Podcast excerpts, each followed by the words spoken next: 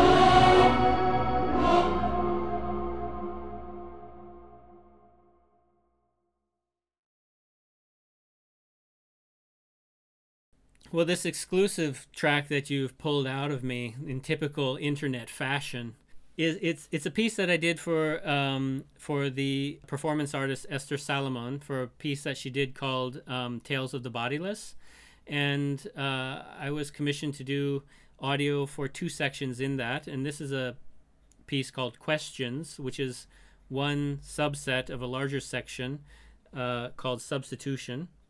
Basically. Uh, it's a kind of sci-fi piece at this point where she's talking about bodies that are kind of falling apart and um, in this way uh, dissipating into a kind of granular cloud in a way you could say.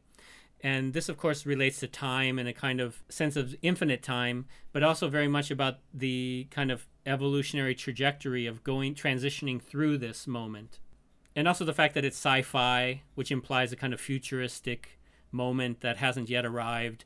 This also for me relates to time. So all of these were things that I thought well, it might kind of fit into your program about time. Thinking about these uh, figures that would be important in the future called substitutes, not prostitutes, but substitutes.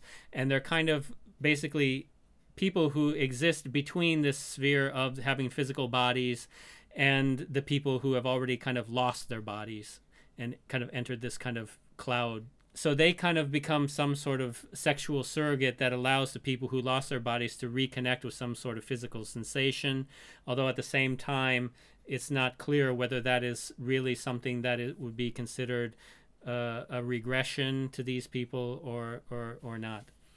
So anyway that's what this piece is about and kind of what the dialogue is about and how i thought it related to time. Okay i'm going to press the stop button here too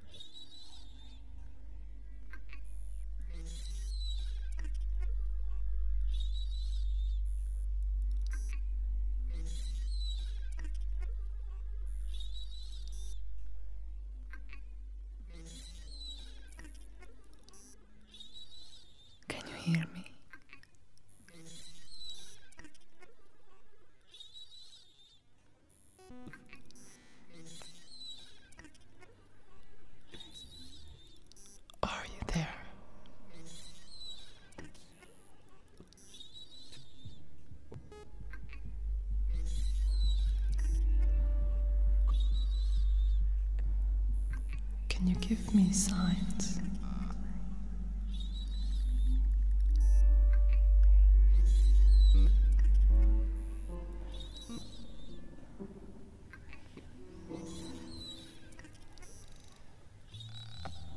Is it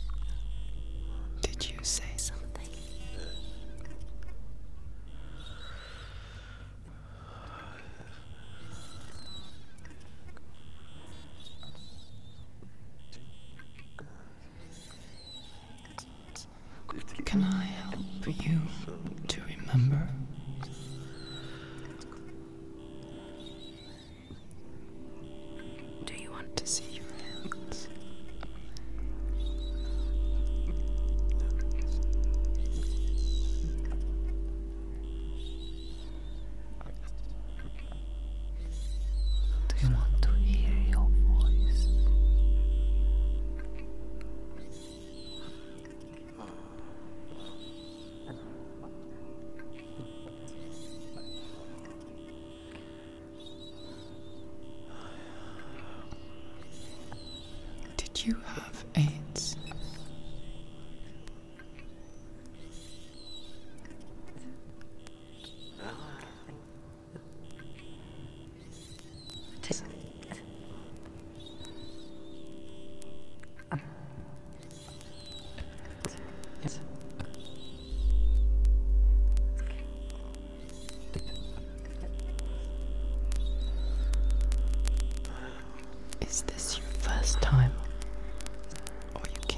before.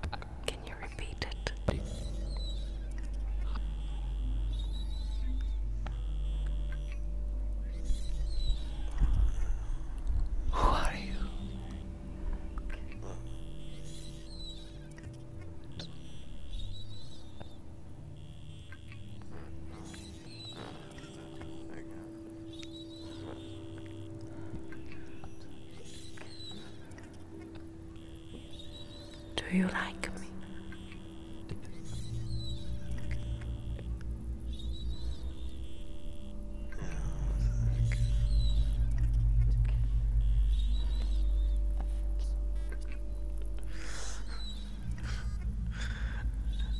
May I feel for you?